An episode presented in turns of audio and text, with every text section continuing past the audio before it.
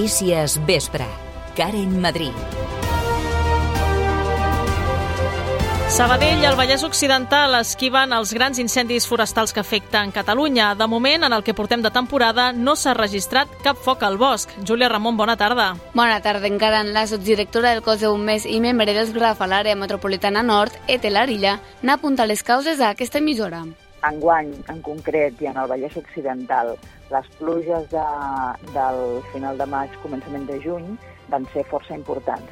I és cert que van ser pluges torrencials que van causar riuades i van, i van generar eh, una mica de, una mica i destrosses en aquest sentit i que al ser torrencials no s'aprofiten també per la vegetació, eh, però també és cert que algo queda i això és el que ens ha permès que faci una parada al risc o l'increment del risc Arilla també assenyala que durant els pics d'altes temperatures les actituds incíviques es desplomen perquè es, es redueixen al mínim les activitats a l'aire lliure. El president del Consell Comarcal, Ignasi Jiménez, sosté que la Ronda Nord serà l'equivalent de la Ronda de Dalt barcelonina al Vallès. El també alcalde de Castellà insisteix que la infraestructura s'ha de construir sí o sí perquè hi ha un acord de pressupostos i la paraula del president de la Generalitat.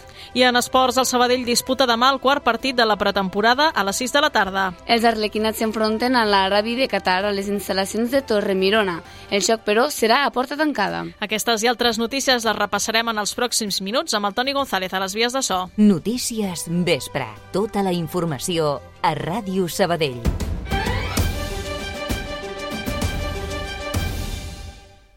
Els serveis. A aquesta hora trobem un quilòmetre i mig de retencions a Barberà en sentit Barcelona, també un quilòmetre i mig, en aquest cas a Montcada, en sentit sud, i 3 quilòmetres a la mateixa població per la C33, també per anar cap a la capital catalana. Ja a la ciutat comtal, trànsit dens a aquesta hora a la ronda litoral entre la Barceloneta i el Fòrum en els dos sentits. El temps. Ara mateix tenim 26 graus a Sabadell, temperatures que es mantenen respecte als últims dies. Què hem d'esperar de cara a les pròximes hores? Li preguntem a Lluís Mi Pérez. Bona tarda. Bona tarda. Una situació que avui està portant una calor molt controlada i la veritat és que la xafogó tampoc és gaire destacable perquè, malgrat que hi ha força humitat, la temperatura no ha pujat gaire més enllà dels 27 o 28 graus a ram de mar. Sí que a aquesta hora ja estem voltant els 30-31 graus a l'interior de l'Ebre, cap al Pla de Lleida, però no estarem parlant d'una calor molt intensa encara el que queda de dilluns amb alguns núvols que ja aquesta propera vesprada i nit es tornaran a fer més abundants, sobretot a la Catalunya central, comarques de Barcelona i de Tarragona, i demà al matí amb alguna roina, sobretot al voltant del Penedès o del Tarragonès, molt poca cosa. Demà els núvols acabaran trencant a partir del migdia. Demà farà més calor que avui, ja estarem fregant els 35 graus a les comarques de Ponent, però en canvi demà al matí encara amb una temperatura que serà molt confortable. No costarà gaire dormir al llarg de les properes hores. Us seguirem a la xarxa. El Vallès Occidental és una comarca amb menys risc de patir grans incendis que la resta de Catalunya. La humitat nocturna i les pluges del maig han ajudat a disminuir aquest risc, però hi ha més factors. La sotsinspectora del cos de bombers i membre dels GRAF, Atel Arilla, n'apunta un altre. És veritat que quan són per de calor és evident que a les hores més calentes del dia no se pot sortir de casa moltes vegades. O estàs en remull a la platja o a la piscina o no pots sortir de casa, de ser bé, perquè quan tenim els 39-40 graus que hem tingut algun dia, um, en alguna zona de Catalunya és evident que, que no es pot sortir, llavors poca cosa pots fer, ni, ni cívic ni incívic. Tot i això, cal no baixar la guàrdia, especialment els dies de calor i vent. Aquestes són les zones més problemàtiques. Impliquen risc totes les zones que tinguin molta vegetació morta gruixuda, perquè aquesta vegetació uh, realment no, no, no s'ha humitejat totalment amb, amb, les, amb les pluges i, i continua en un estat més aviat, més aviat sec. I en cas que esclatés un foc en plena onada d'incendis, què passaria? Doncs partint de la base que el protocol varia en funció del risc, de la disponibilitat dels recursos i de la simultaneïtat d'incidents, aquest és el pla que tenen els bombers. Si no podem eh, ser contundents perquè tenim més d'un incendi, llavors hem de treballar per eixos de contenció eh, intentar eh, trobar aquells punts on serem més eh, més eficients en el, en el treball, tot i que haguem de sacrificar algo de superfície. De moment, aquest any no hi ha hagut cap, in, cap incident important al Vallès Occidental, però l'any passat es van desplaçar tres dotacions de bombers als horts de Can Llong i el 2021 es van cremar 6.000 metres quadrats a l'entrada nord de la ciutat. La tercera edició del Festival Alternatiu La Regadora torna aquest setembre. Ara vol potenciar el pensament crític, anticapitalista i ecologista Sabadell. Per tal de tirar endavant aquesta tercera edició, els organitzadors han obert de nou una campanya de micromecenatge a través de Goteo per aconseguir com a mínim 7.500 euros per tirar endavant el certamen. Les recompenses van des de làmines de Laia Dalmases i Ricard F. del llibre de la regadora, samarretes o reconeixements a les entitats. Queden 33 dies per donar-hi suport.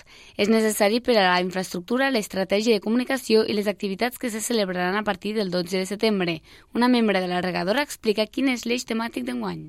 Aquest any nosaltres centrem el nostre eix temàtic en l'espai públic, comunitari i urbanístic de les ciutats i ens preguntem quina és la definició de l'espai públic, no? com el vivim, uh, si l'espai és de propietat ciutadana o qui l'administra, qui té dret a aquest espai i eh, si convida tothom, si realment també convida aquelles persones que no es troben dins d'aquest espai públic i que es troben als marges, fem una mica aquest, aquest debat.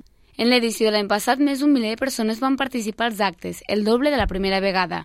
Ara s'estirarà més convocatòries fins al 16 de setembre a la Creu Alta, que serà la jornada gran, amb dinar a plaça, xerrades i concert. També hi haurà la sala nòmada de lectura i tallers descentralitzats, descentralitzats i també una sorpresa.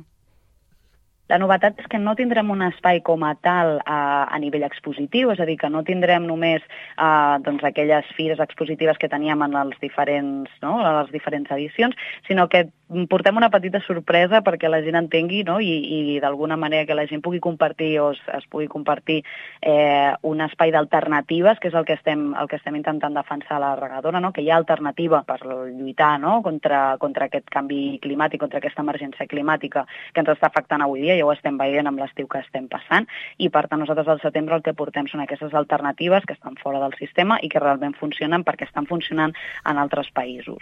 Una quarantena d'entitats sumen esforços a les jornades de la regadora sota el lema Canviar el sistema, no el clima. Ràdio Sabadell. Notícies vespre. La formació ocupacional de Cal Molins de cara al curs que ve ja té les inscripcions obertes. El centre de l'Eixample ofereix cursos oficials especialitzats i subvencionats per la població activa que vol trobar el seu lloc en el mercat laboral. Entre l'oferta n'hi ha de sectors molt diversos. Per exemple, hi ha cursos de sistemes d'informació de mercats, orfalmàtica, negociació i compra-venda internacional i publicació de pàgines web. En aquest cas estan adreçades a, un, a persones que estan en atur, però al col·lectiu de joves entre 16 i 29 anys, en situació d'atur també, s'han previst dues accions formatives, una de gestió de ciberseguretat per a petites i mitjanes empreses i una altra de procediments bàsics al servei de sala en restauració. Per als treballs en actiu, les accions es centren en l'àmbit administratiu i més especialitzades i de més curta durada. El regidor de Desenvolupament Econòmic, Antonio Rodríguez Galián, destaca el potencial d'aquest equipament. Des de l'Ajuntament pensem que, més formació és igual a més opcions per trobar feina. Per això posem a disposició el centre de Cal Molins per a tothom que desitgi fer un salt professional. L'oferta que tenim a aquest centre és molt àmplia i totalment subvencionada, és a dir, sense cost per l'alumnat. I tot plegat amb un espai amb una llarga experiència en la formació professional i que any rere any revalida l'excel·lent qualitat de les seves activitats formatives, sometent-se a auditories externes que així ho confirmen. Des de Cal Molins també s'ofereix formació tecnològica oberta a tothom, com un curs d'eines de Google, un altre de xarxes socials o un de disseny amb Canva. A més, a partir de setembre també tornen les càpsules formatives per iniciar-se en l'ús de telèfon mòbil, xarxes socials i compres online. En aquest cas es faran de forma presencial a les biblioteques del Nord i de Ponent. El president del Consell Comarcal i alcalde de Castellà, Ignasi Jiménez, treu pit de la construcció de la Ronda Nord. Segons Jiménez, aquesta infraestructura hauria de servir com a ronda de circunvalació per treure cotxes del centre del als municipis afectats. De la mateixa manera que les polítiques que està fent Barcelona per pacificar el trànsit al centre de la ciutat són complementàries a l'existència de la seva ronda nord, en el qual, evidentment, ningú posa en qüestió, ningú posa en dubte, ningú posa en crisi la seva existència, sinó que té sentit precisament aquesta ronda de dalt de la ciutat de Barcelona i nosaltres no volem res més que això, volem la nostra ronda de dalt, volem la nostra ronda de circunvalació, Jiménez, però, també ha parlat d'altres temes. En una entrevista amb l'Agència Catalana de Notícies, el president també ha valorat l'entrada d'Esquerra al govern tant de la Diputació de Barcelona com també al mateix Consell Comarcal. Jiménez afirma que amb els republicans se'ls poden obrir moltes portes. Em sembla que és un canvi de perspectiva molt interessant i que això ho hagin fet partits que segurament fins fa uns anys doncs, aquest, aquests postulats ideològics tan purs els impossibilitaven poder arribar a acords amb d'altres formacions polítiques, em sembla que fer aquest canvi de xip a mi em resulta molt interessant i obre unes perspectives de que segurament a la nostra comarca sí que tindrà un potencial durant aquests propers quatre anys doncs de, encara més gran del que teníem, no? El president també ha apuntat que la comarca ha crescut tant que potser tocaria crear una nova institució per donar-li resposta. Si no hi ha possibilitat, evidentment, de fer una àrea metropolitana que sigui més gran, més àmplia, que sigui més inclusiva també, en que fa referència a la relació amb, aquests, amb aquestes noves realitats, amb aquests nous pols d'atracció que són Sabadell, Terrassa i les seves àrees al voltant, no? doncs nosaltres haurem de crear també el nostre espai formal no? per tal de poder tirar endavant els nostres projectes i poder-nos compartir també, evidentment, amb un interlocutor absolutament legitimat Jiménez també afirma que de cara a aquest mandat vol potenciar la relació entre Sabadell i Terrassa, tot argumentant que durant els últims quatre anys l'alcaldessa Marta Ferrés i l'alcalde Jordi Ballart han apropat molt les posicions. La zona blava és gratuïta a partir d'avui fins al dissabte 19 d'agost. Això suposa que no s'haurà de tornar a pagar per aparcar en places d'aquest tipus fins al dilluns 21 d'agost. Aquesta mesura repeteix cada any per aquestes dates, coincidint amb l'època en què la mobilitat a la ciutat es redueix considerablement. En total, a Sabadell hi ha unes 1.500 places de d'aparcament de pagament que giren entorn als tres àmbits principals, l'Eix Macià i el Vapor Turull, la plaça Jaume Girabau i el Mercat de la Creu Alta.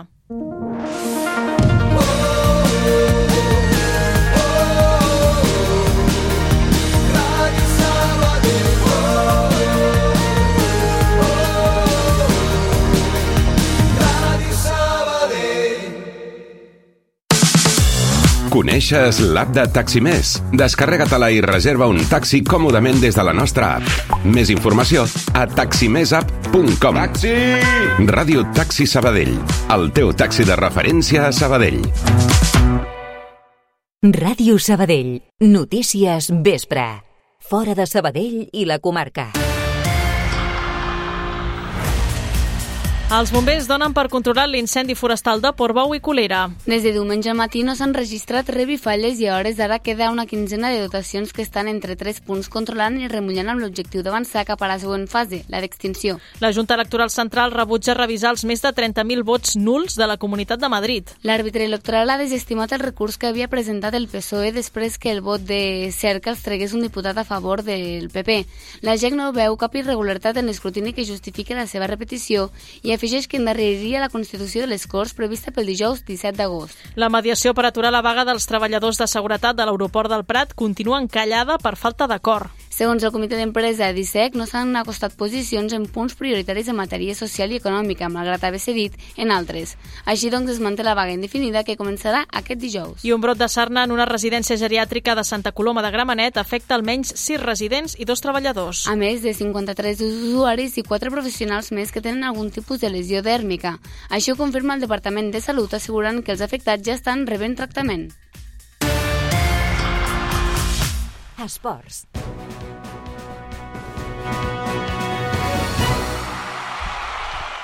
El Sabadell disputa demà el quarters de pretemporada contra l'Alarabi. Oriol Ferran, bona tarda. Bona tarda, Karen. Un partit que tindrà lloc a les 6 de la tarda a les instal·lacions de Torremirona, Navata, a porta tancada. I un duel que arriba entre les dues primeres rondes de Copa Catalunya, quatre dies després d'eliminar el Tona als penals i abans de veure's les cares aquest pròxim cap de setmana amb el Badalona Futur. El tècnic Miqui Lledó espera que serveixi per continuar agafant rodatge.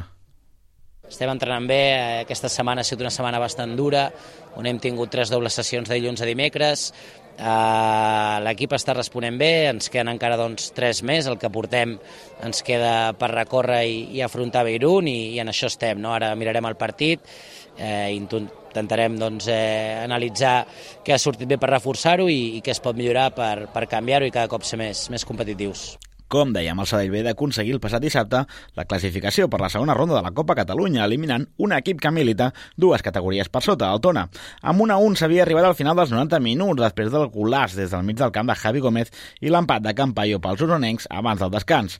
En els 11 metres, cap dels dos equips va fallar en els respectius 5 llançaments fins que va aparèixer la figura d'Adrián Ortola per aturar el sisè xut del Tona. David Stals després s'encarregaria de donar la classificació al centre d'esports. La verdad es que hemos estado hablando estos días, yo estoy muy contento, eh, el equipo ha hecho una piña muy rápido, la verdad que han venido personas muy buenas humanamente y de mucho nivel y la verdad que va a ser un año muy bonito y vamos a luchar por lo, por lo más alto possible. I pel que fa al mercat de fitxatges, Marcos Baselga té molts números de reforçar el centre d'esports. La direcció esportiva estaria a punt de tancar l'arribada del davanter del Zaragoza. L'operació està en una fase molt avançada i tot fa indicar que el Sabadell aconseguirà la cessió d'un jugador que va ser capaç de fer una dotzena de gols amb el Calahorra la temporada passada, on també va jugar cedit, i tot i que l'equip de la Rioja va acabar penúltim classificat del mateix grup que el conjunt arlequinat. Amb ell, el centre d'esports tindria cobertes les 18 fitxes sèniors que té disponibles i, per tant, hauria de donar sortida a algun jugador major de 23 anys, si volgués fitxar algun futbolista contrastat. Per la seva part, Víctor Álvarez, qui estava en proves, ha quedat descartat. Encara en futbol, la selecció del Marroc de Fàtima Garbi es juga demà el bitllet pels quarts de final al Mundial de Futbol Femení. Les lleones de l'Atlas afronten demà el partit de vuitens de final contra França després de donar la sorpresa i convertir-se en l'única selecció debutant en passar de la fase de grups. Fàtima Garbi, que encara no ha pogut debutar debutar a la Copa del Món, podria tenir l'última oportunitat aquest any de convertir-se en la primera sabadellenca en debutar a un Mundial femení.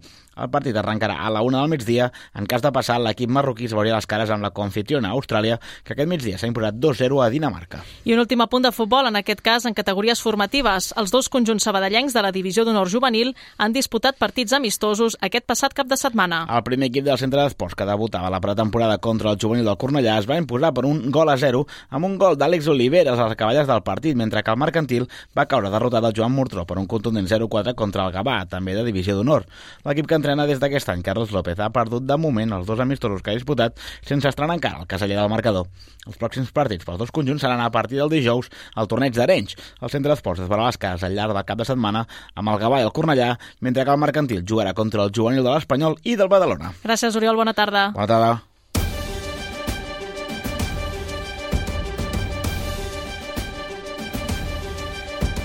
Passant dos minuts d'un quart de vuit, tanquem el Notícies Vespre d'aquest dilluns 7 d'agost, recordant-vos que tot el que us hem explicat ho podeu trobar a radiosabadell.fm. Tornem amb més notícies a la 94.6, demà a partir de les 10 amb els butlletins horaris i a les 2 amb el Notícies migdia. Que acabeu de passar un bon dia. Adéu-siau.